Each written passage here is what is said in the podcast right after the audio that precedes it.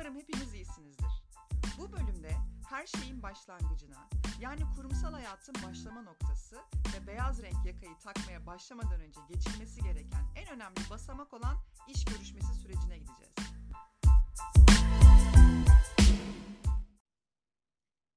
Ne heyecan ama. İş arayışında olduğunuz zamana geri dönün şimdi. Belki onlarca başvuru yaptınız ki yapmışsınızdır.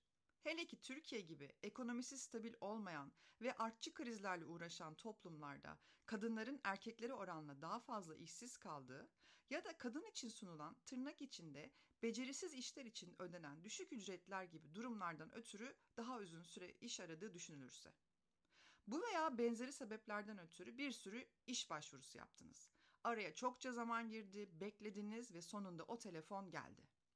İlk görüşmeye çağrıldığınız anı hatırlayın şimdi. Gökçe Hanım merhaba. Ben bilmem ne şirketi insan kaynaklarından falanca. Sizi yaptığınız başvuru için aradım. Müsaitseniz sizi salı günü saat 11'de görüşmeye davet etmek istiyoruz. Bu arada kafanızın üstündeki düşünce baloncunda yazanlar. Müsait miyim mi? Müsait miyim mi? Tabii ki müsaitim. Size görüşme detaylarını mail olarak da göndereceğiz. Görüşmenizi başvurduğunuz bölümün yöneticisi Filan Bey ile yapacaksınız. Görüşmek üzere. Mutluluğun ilk şokunu atlattıktan sonra eşe, dosta, sevgiliye, aileye haberler verilir. Herkes başaracağını, senden daha iyisini bulacaklarını söyler. Deneyimlerin, okulların, kişiliğin en uygunudur falan filan. Sonunda bir düzen kuracağının hayallerini kurarsın. Varsa ödenecek borçları ne kadar zamanda kapatabileceğinin veya daha özgürce harcama yapabileceğinin hesabını yaparsın.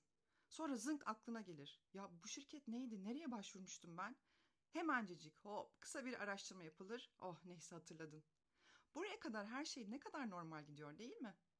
Ama esas kurumsal hayatta kadın ayrımcılığı tüm bunlardan sonra yani iş görüşmenizde başlıyor. Peki nedir bunlar? Ne giyeceğim? İş görüşmelerinde dış görünüşün önemli olduğu ve görüşmeyi yapan kişinin üzerinde olumlu izlenim bırakmada etkili olduğu herkesçe bilinir.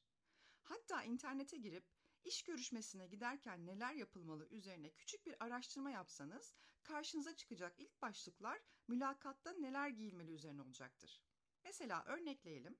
Genelde şöyle öneriler yazar giyim kuşamla ilgili. Her ne kadar dış görünüm önemli değil, pozisyona uygunluğu, tecrübeleri ve yetkinlikleri önemli dense de her şirket dış görünüşü de değerlendirir. Abartılı olmamak kaydı ile temiz ve resmi bir görünüm yararlı olacaktır. Erkekler için takım elbise ya da pantolon ceket tercih edilmelidir. Kadınlar içinse ki genelde burada bayanlar için yazılır, başvuracakları işe göre etek gömlek ya da pantolon gömlek iyi bir seçim olacaktır. Kadınlar elbise giymekten mümkün olduğunca kaçınmalıdır. Bu yazılar aslında bize kadınların giyimlerinin iş görüşmesinde kendilerine avantaj ya da dezavantaj sağlayan bir kriter olduğunu gösteriyor. Yani şöyle toparlarsak böyle etek ceket takım, gömlek, pantolon veya topuklu ayakkabı giymek daha derli toplu, bak işi ciddiye almış gibi olumlu bir etki uyandırırken elbise ya da açık ayakkabı giyilmesi ciddiyetsiz ve fazla rahat olarak değerlendirilebiliyor.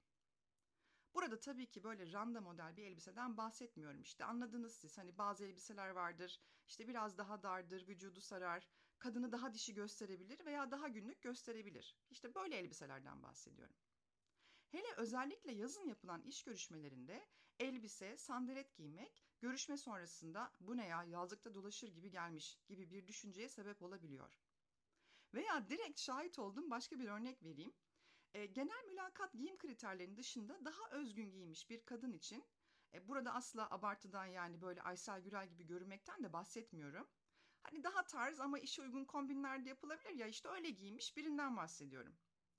E, ne diyordum ha? Daha özgün giyinmiş bir kadın için görüşme yapan kişi ki bu kişi de e, benimle aynı şirkette çalışıyordu.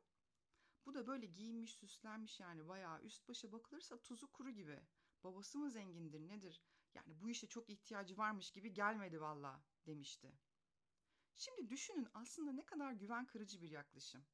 Bunu mesela ben duydum ve daha sonra gittiğim iş görüşmelerinde giyim kuşam konusunda kendim olmaktan çıktım. Yani yeter ki elenmeyeyim, arkamdan böyle laf etmesinler falan diye. Ha bu arada o kız da işe alamadı onu da belirteyim. Bu ve benzeri örnekler kadınların o işe uygunluklarının sahip olduğu beceriler ya da işe başvururken belirttikleri tecrübe veya işi ne kadar istediklerinin değerlendirilmediğini gösteriyor. Sadece iş yaşamında değil, günlük hayatta da hepimizin gayet iyi bildiği gibi giydikleri kıyafete göre ahlaksız, ciddiyetsiz gibi belirli yaftalarıyla karşı karşıya kaldıklarını söyleyebiliriz bence. Hatırlayın mini etek giyip de sokağa çıkmasaymışlar falan duydu bu kulaklar. Bu durumda kadınların iş görüşmesine giderken giydiği kıyafete göre bile ayrımcılığa maruz bırakıldığını söylesem yalan olmaz. Gelelim bir diğer konuya. Evli misin, nişanlı mısın, bekar mısın? Biz kadınların iş görüşmesinde ahlaklı veya ciddi bir adaymış gibi gözükmek için doğru giysileri tercih etmesi yeterli olmuyor ne yazık ki. Sadece işte değil, iş yaşamı dışında da tırnak içinde söylüyorum, ahlaklı bir hayat yaşadığının görüşmeyi yapan kişi veya şirket tarafından da öğrenilmesi gerekiyor. Bazı iş yerlerinde kadın adaylara mülakat sırasında e, ailenizle mi yaşıyorsunuz? Hmm, tek mi yaşıyorsunuz? E, ev arkadaşınız, e, kız arkadaşınızla mı yoksa erkek arkadaşınızla mı? Ya da nişanlı mısınız gibi sorular yöneltildiğini biliyorsunuzdur. Ne kadar rahatsız edici bir durum aslında değil mi? Sanki böyle taciz gibi. Farkında mısınız? Bu tarz sorular kadınların iş hayatı dışında nasıl bir hayat yaşadıklarını öğrenmek ve eğer evli değilse ya da toplum tarafından genellikle olumlu bakılmayan bir ilişki yaşıyorsa burada ne demek istiyorum? Yani işte evli olmadan sevgilisiyle aynı evde yaşamak veya gay olmak gibi kadın adayın uygun bir aday olmadığı sonucuna varılıyor. Bir de şu durum vardır ya, görüşmeyi yapan güya ortamı yumuşatmak için sorar. Evli misiniz? Hayır. Nişan falan var mı? Bir de böyle gülerler. Hayır. Sonra güya dünyanın en komik esprisini yapıyormuş gibi ay nişanlı olmayın zaten. Valla sizi almayı düşündüğümüz pozisyon çok yoğun olacak. Uzun zamandır da boş bir pozisyon. Yani evlilik hazırlığı falan hiç vaktiniz olmazsa.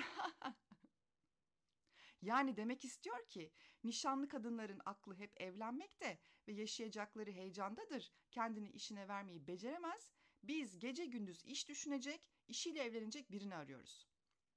Fakat tam tersine bakarsak bir erkek bekarken de, nişanlıyken de, evliyken de işine aynı oranda konsantre olabilir düşüncesi hakim olduğundan çoğu zaman iş görüşmelerinde bu tarz sorulara maruz kalmıyorlar bile. Ya da en fazla Allah tamamını erdirsin falan deniliyordur herhalde. Bunun yanı sıra bazı sektörlerde evli olmanın iş mülakatında kadınları dezavantajlı bir konuma düşürmesi de söz konusu olabiliyor. Bir iş görüşmesinde şu soruyu duymadığınızı veya yakın çevrenizden bir kadın arkadaşınızın duymadığını iddia edebilir misiniz? E, görüyorum ki siz evleneli 4 yıl geçmiş, e, çocuk planınız olabilir. Sizi iş almayı düşünürsek çocuk yapmayacağınızı taahhüt edebilir misiniz? Çünkü sizi almayı düşündüğümüz pozisyon çok yoğun olacak. Oldukça uzun zamandır da boş bir pozisyondu. Yani en az iki yıl çok yoğun olacaksınız. Bunu nasıl yorumlarsın? Evli olmak, çocuk yapmayı planlamak ile birdir diye yorumlarsın değil mi? Yani o kişi gözünden. Belki çocuk sahibi olmak istemiyor, belki olmuyor ve ona bir acısını hatırlatıyorsun. Ya da kime ne kendi özel hayatı böyle bir taahhüt neden versin? Ama maalesef bu tip yaklaşımlar kadınlar açısından hala bir sorun ve işe uygun olsa bile seçilememe ihtimalini güçlendiriyor yani işi diğer adaya kaptırabilir. Çünkü hamilelik ve doğum döneminde işten uzak kalacağı, devamında çocuğun bakımı ile ilgileneceği hesaplanıyor. Çocuk sahibi olmayı düşünen bir kadının iş seyahatine gitme, gerektiğinde mesaiye kalma gibi esnek iş koşullarına uyum sağlayamayacağı çünkü tüm önceliğinin çocuğu olacağı düşünülüyor. Dahası doğum yapan bir kadının yasal hakkı olan ücretli doğum izninin verilmesinde de sorunlar yaşanabiliyor. Ben daha sorum, sorunsuz doğum iznine ayrılan duymadım. Yok yarım günün süt izninin son dakikasını falan bile hesabı yapılır. Bu da ayrı bir bölüm konusu aslında. Kısacası evli olmanın mülakatlarda kadınlar açısından bir ayrımcılık yaratmasının sıkça karşılaşılan bir durum olduğunu düşünüyorum. Dahası da vardır en çok karşılaşılanları ele aldım ben. Tabii ki bu anlattıklarımın ne iş görüşmesinde ne de şirket içinde asla konuşulmadığı iş yerleri de yok mu? Var. Şu şimdilerde meşhur diversity and inclusion yani çeşitlilik ve kapsayıcılık ilkesini benimseyen şirketler var mı? Var. babaya doğum izni verenler bile var. Ama ne yazık ki bu şirketlerde bile kurum olarak sahiplendikleri ilkelerden farklı davranan ve neredeyse geçtiğimiz 9 dakikadır anlattığım her şeyi dile getiren ve düşünen insanlar da var. İş görüşmelerinde kadın ayrımcılığını anlattım. Anlatmak istediğim ve başka bir bölüme sakladığım bir diğer başlık ise iş görüşmelerindeki absürt ve yanıtı aslında asla olmayan sorular olacak. Podcast'imi kapatmadan önce takip et butonuna dokunmayı unutmayın. Ayrıca beni Instagram'da kurumsal kadınlar hesabımdan da takip edebilirsiniz. Haftaya görüşmek üzere.